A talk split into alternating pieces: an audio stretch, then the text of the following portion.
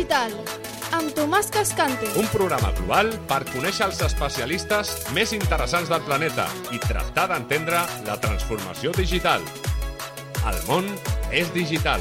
El món és digital, El món és digital. amb Tomàs Cascante. Hola, benvingudes, benvinguts un cop més a El món és digital, un programa que fem amb la col·laboració de PIMEC, la patronal de la petita i mitjana empresa i dels autònoms de Catalunya. El món és digital. El món és digital, El món és digital. amb Tomàs Cascante. Avui parlarem de futur i ho farem doncs, eh, entrevistant a una sèrie de personatges que ens parlaran, ens donaran el seu punt de vista sobre com ells veuen el panorama digital i més concretament aquí a Catalunya per aquest any 2024. Però abans d'entrar en les entrevistes volia fer-vos una presentació i concretament vull parlar-vos del ICE un esdeveniment realment, jo m'atreveria a dir espectacular, que està tenint lloc aquesta setmana a Barcelona. M'estic referint a l'Integrated Systems Europe, o més conegut com ICE, ICE Barcelona. Una fira que va començar a Amsterdam i que ara fa ja uns anys, unes quantes edicions, que està tenint lloc a Barcelona. Barcelona, una ciutat mm, famosa ja pel seu art, la seva cultura i la seva arquitectura, però eh, parlant d'esdeveniments també famosa per la celebració ara ja quasi bé fixa del Mobile World Congress. Doncs ara, a més, es converteix en el focus d'atenció mundial en l'àmbit de la tecnologia audiovisual i dels sistemes integrats. Eh, com? Doncs a través de l'ICE, d'aquesta gran fira que aquesta setmana té lloc, com he dit, a Barcelona. Una fira que és més que una fira, jo diria que és una festa quasi de la innovació on els líders de la indústria audiovisual i els professionals i usuaris de la tecnologia es donen o ens donem cita per descobrir les últimes tendències, productes i solucions que estan donant forma al futur de les nostres experiències audiovisuals. Alice ens donarà accés des d'impressionants eh, pantalles LED d'última generació fins a sistemes de so envolvent que transformen completament la nostra forma d'interactuar amb els medis. Alice és, sens dubte, una finestra al futur de la tecnologia integrada. Dic tecnologia integrada perquè un dels aspectes potser més interessants de l'ICE és el seu enfocament, el seu focus, precisament en la integració, en la integració de sistemes. Això vol dir, mm, això significa veure com diferents tecnologies poden treballar juntes per crear solucions més eficients, més complexes i, a més, experiències d'usuari més immersives. Imagineu, per exemple, un, un sistema de domòtica que tenim a casa que no solament controla la, la, la il·luminació, per exemple, la temperatura de casa nostra, sinó que, a més, s'integra amb el nostre sistema d'entrenament personal per crear doncs, ambients doncs, perfectament sincronitzats amb el nostre estat d'ànim o la nostra activitat. En fi, tot, tota una solució absolutament integrada e integral. Però Alice és molt més que una fira o un congrés. És, a més, un punt, un important punt de networking. Un networking que és crucial pels professionals del sector, ja que Alice ens està oferint una plataforma única doncs, per establir connexions, per aprendre dels experts i explorar futures col·laboracions. No cal que us ho digui perquè és el que intentem o acostumem a fer en aquest tipus de fira com el Mobile o Alice. ICE que és una oportunitat, eh, insisteixo, increïble perquè les empreses locals i internacionals mostrin les seves innovacions i perquè nosaltres, com professionals o consumidors o simplement aficionats, veiem cap a on es dirigeix la tecnologia que ja des d'aquest 2024 formarà part de la nostra vida quotidiana. Per acabar, potser aquest comentari mm, vull incidir en el fet de que Barcelona amb el seu esperit innovador i acollidor i amb la seva capacitat per acollir esdeveniments de- d'aquesta categoria, de categoria mundial, doncs és sens dubte un escenari perfecte per Alice. Eh, aquest esdeveniment no solament destaca la importància de la tecnologia en la nostra societat moderna, sinó que, a més, subratlla el paper de Barcelona com una ciutat líder en l'avantguàrdia de la innovació tecnològica. Entre l'ICE, el Mobile World Congress i altres esdeveniments que tenen moltíssima importància internacional, realment Barcelona es posiciona com una de les primeríssimes ciutats de, de fires i congressos d'alt nivell. Així és que, simplement, per acabar, aquest comentari sobre l'ICE, si teniu l'oportunitat i busqueu-la, eh, no deixeu de visitar aquest any a l'ICE perquè, perquè val la pena eh, dura quasi bé tota la setmana i és una experiència única que ens mostra, doncs, de, de, ens dona un cop de vista doncs, emocionant cap a, al futur futur del qual també parlarem a continuació amb els nostres convidats al programa d'avui. Tres més. Espero que ens trobem a l'ICE. El món és digital. El món és digital. El món és digital. Amb Tomàs Cascante. Aquesta setmana no solament té lloc a l'ICE. Aquesta setmana també, i concretament el dia 31, el dia 31 de gener, Tertúlia Digital, l'associació per la difusió de, de la cultura digital, presenta un informe. L'informe porta per nom Panorama Digital o Panorama de la Catalunya Digital 2024 i és un informe confeccionat en base a una sèrie d'entrevistes a líders de, del món digital aquí a Catalunya, a part d'un recull de notícies sobre com serà aquest any 2024 i uns vídeos també de, sobre tecnologies digitals emergents aquí a Catalunya. Un informe que podeu veure a la pàgina web eh, www.tertuliadigital.com Bé, doncs d'aquest informe eh, extraiem algunes de les entrevistes que publiquem avui aquí al programa. I començarem amb dos entrevistes a dos directores generals de la Generalitat. M'estic referint a la Liliana Arroyo i a la Esther Manzano. La Liliana Arroyo és directora general de Societat Digital de la Generalitat de Catalunya i la eh, Esther Manzano és directora general de Serveis Digitals i Experiència Ciutadana de la Generalitat de Catalunya. Comencem amb la Liliana Arroyo. Des de la Direcció General de Societat Digital veiem un 2024 on els drets digitals, els drets i les responsabilitats digitals estaran al centre del debat. Confiem també que continuarà sent l'any de les competències i la capacitació, ho és a nivell europeu, l'any europeu de les Digital Skills, com li diuen, però, a més a més, que podrem debatre sobre quines són les competències que necessitem més enllà de ser funcionals en els àmbits digitals. No? Volem una societat digital madura, empoderada i que pugui fer servir totes aquestes eines d'una manera, manera crítica. Però no només des del punt de vista de la ciutadania, sinó que també plantejarem com eh, podem avançar en la inclusió sociodigital. I això és un trajecte que va molt més enllà de combatre la bretxa, eh, i que implica a les institucions de diferents nivells, evidentment eh, tota la Generalitat de, de Catalunya, i en això estem treballant. Pel 2024, tindreu més novetats, així com eh, les entitats, eh, les empreses, la ciutadania, la societat civil organitzada, els centres de recerca, no? de tot l'àmbit de l'ecosistema de la innovació social digital i eh, ho farem, eh, ho proposarem en perspectiva doncs, aquesta mirada inclusiva i sociodigital perquè sabem que les desigualtats digitals no estan aïllades de les desigualtats estructurals que, que coneixem.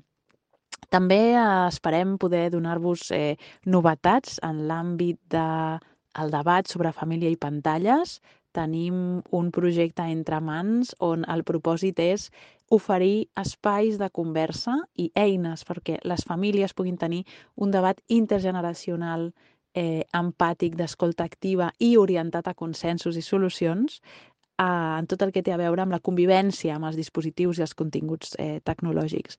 Evidentment, parlarem, seguirem parlant d'innovació, volem apostar per seguir sent una regió innovadora, a nivell europeu hi ha un moviment important i estem contribuint també a, a això i el 2024 tenim plans de seguir-ho fent i després eh, seguirem parlant d'intel·ligència artificial perquè és una cosa que ens impacta, ens afecta i ens ocupa, no? eh, no només perquè s'ha mm, aprovat un primer acord a nivell regulatori, sinó perquè també en vindran d'altres de, de regulacions.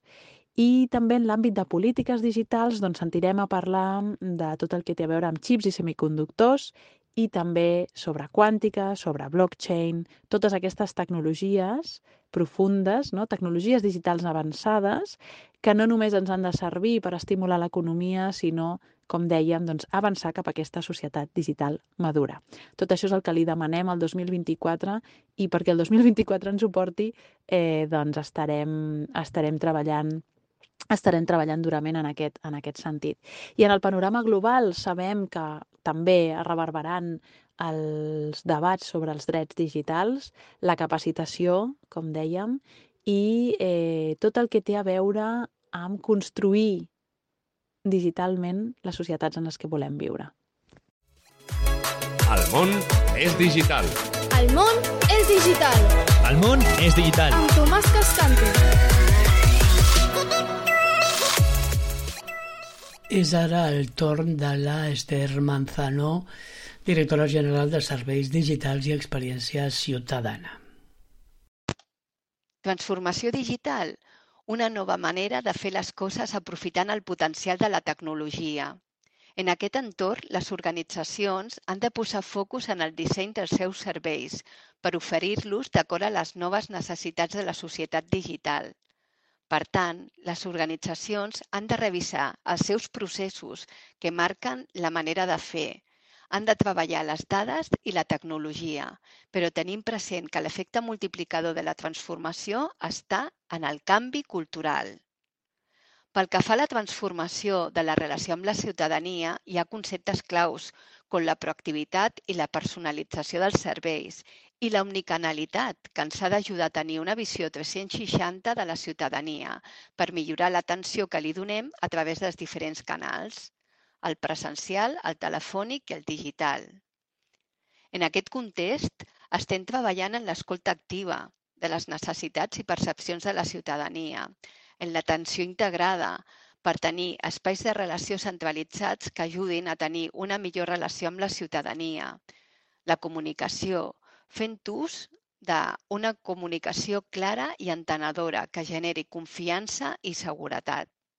En aquest model de relació amb la ciutadania, com apuntava, necessitem fer una escolta activa, però també fer ús de l'analítica de les dades i així orientar millor el disseny dels serveis públics, però també de la comunicació, que sigui clara i entenedora. I aquí, a l'efecte multiplicador, el trobem en com es fa aquest acompanyament a la ciutadania. Un acompanyament on la ciutadania no es trobi sola en cap moment. Les regles del lloc de la societat i les organitzacions han canviat i ens hem de transformar per passar dels valors que ens han conduït durant l'era industrial a la digital. Una era plena d'oportunitats, on la ciutadania ha d'accedir de manera fàcil i àgil a l'administració. El món és digital. El món és digital. El món és digital. Amb Tomàs Cascante. Donem pas ara a una interessant entrevista a en Manel Sant Romà, president de Civicai.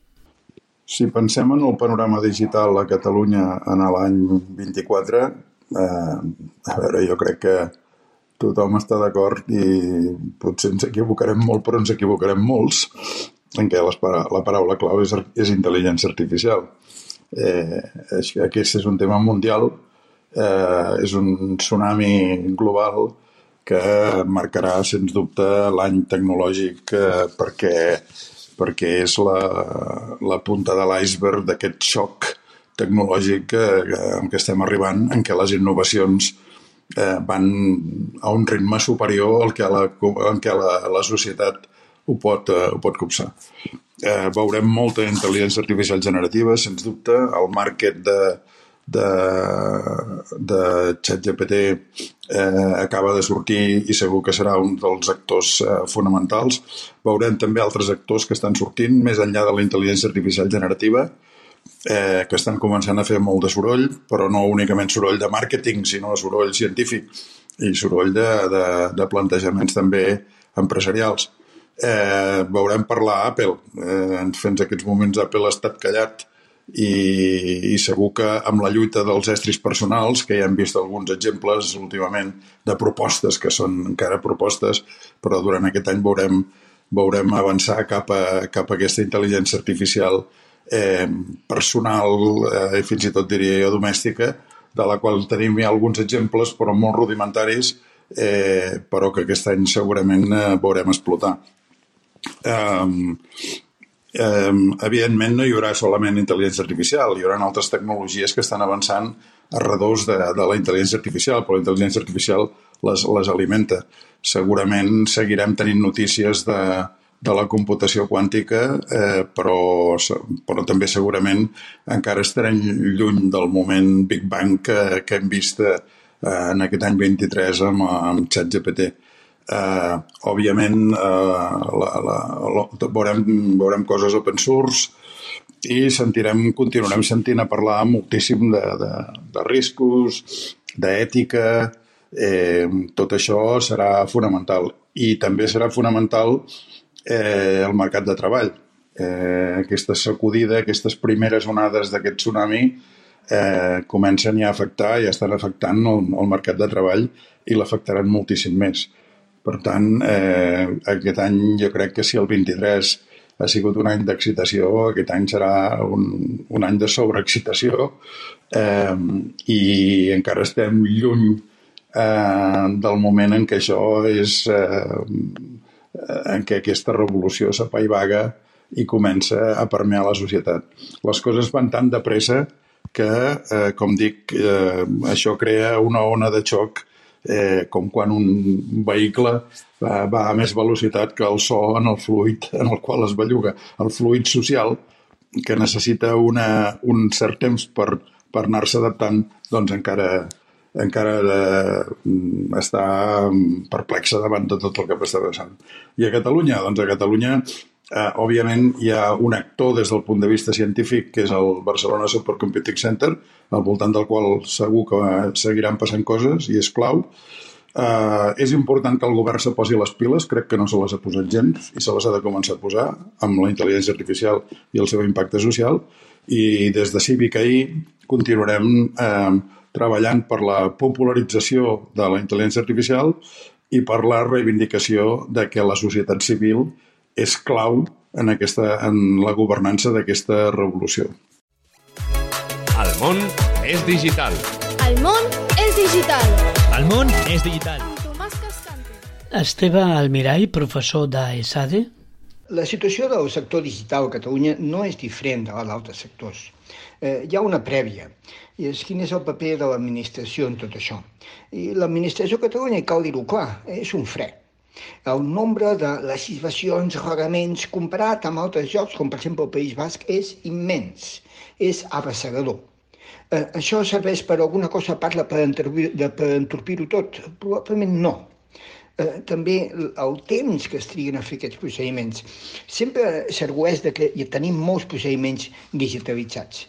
Eh, mireu, si els procediments estan mal digitalitzats i si al final és pitjor encara de quan es feien sense digitalitzar, això no ajuda, al contrari.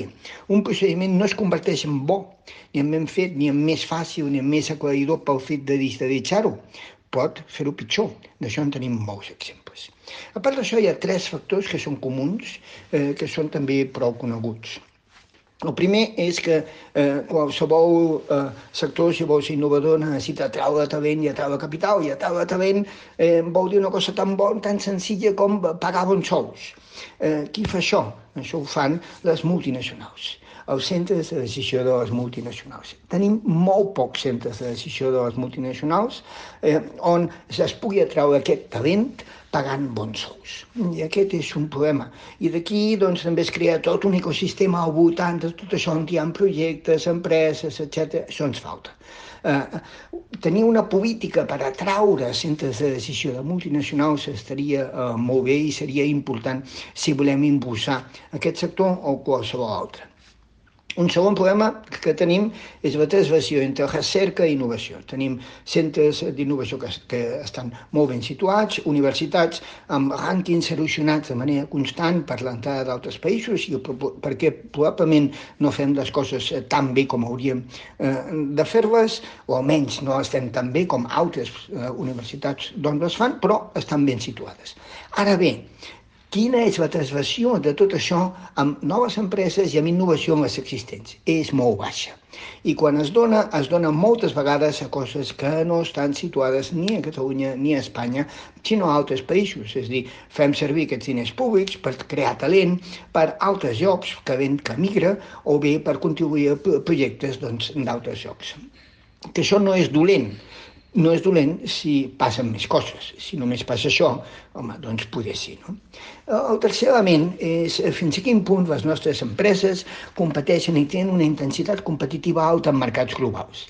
Si la intensitat competitiva és baixa, les empreses no innovaran, no crearem tot aquest dinamisme. I aquest és un dels problemes doncs, que tenim. A Espanya tenim una intensitat competitiva en molts sectors baixa, o bé perquè estan molt regulats, són monopolístics, lopoístics, etc etc, o bé perquè tenen situacions de mercats locals o mercats més aviat nitxo, on eh, no passen grans coses.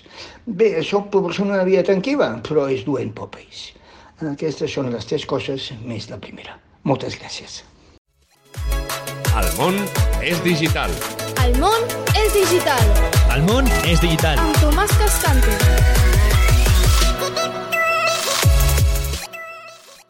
I acabem amb la intervenció de l'Albert Domingo, director de la Universitat Pompeu Fabra Ventures.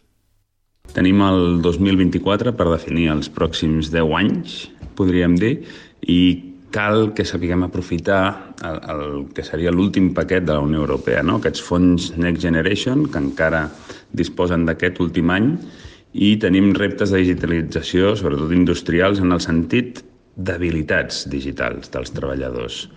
A Catalunya els informes acostuma a sortir ben parada, sobretot a nivell europeu, a vegades el vuitè, el desè, vull dir, queda, queda molt bé, però es mesuren sobretot les compres de tecnologia per part de les empreses.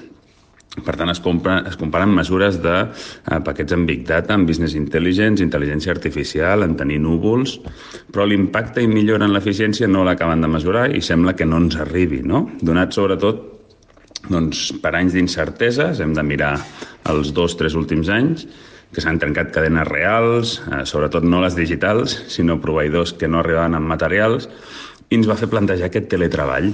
Allà vam descobrir mancances, habilitats de totes les plantilles, o sigui, de tots els treballadors, i vaja, hi havia unes possibilitats de fer doncs, grans cursos. Aquests cursos podríem dir que ara mateix se suposa que tothom sap fer una videoconferència, però encara no saben compartir un doc online o treballar conjuntament o fer un resum amb una eina d'intel·ligència artificial o entendre que ens falta informació per disposar d'un chatbot 100% funcional ens falten moltes parts, no? i aquestes mancances fan que tinguem una oportunitat, una oportunitat d'invertir en treballadors, en les seves habilitats. Eh, no és un reskilling ni un soft skilling, sinó realment és que desenvolupin aquestes habilitats i aprofitar llavors aquests fons per continuar captant indústria, aportant possible innovació en el que ens ha de diferenciar, sobretot en els pròxims 5-10 anys, i doncs, el model digital ha de ser aquest que aporti un gran valor a la companyia i no només una nova marca en una llista de, del que ja disposem a la web, un núvol, un germà digital i afegir doncs, l'ànim a provar-ho encara que fallem. Sabem que els projectes digitals en un 80% eh, fallen o es queden a mitges o s'arriben a abandonar i del 20% que resta eh, sabem que el 10% a vegades no arriben a fer el que s'esperaven que fessin. Per tant, vol dir que el primer portal, el primer moment eh, de tot això que intentem fer pot ser que no sigui el correcte, però sí que ens servirà per tornar-ho a intentar i normalment a la segona o fins i tot a la tercera acabarem aconseguint aquest objectiu de digitalització. I fins aquí el programa d'avui. Us hem presentat a l'ICE, que té lloc aquesta setmana a Barcelona. Us hem parlat de l'informe Catalunya o Panorama Catalunya Digital 2024, que es farà públic el dia 31 a tertuliadigital.com i us hem presentat, donat l'opinió d'una sèrie de personalitats del món digital sobre com serà aquest panorama digital a Catalunya aquest any 2024.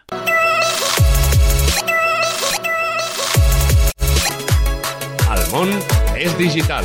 El món és digital. El món és digital. Amb Tomàs Cascante.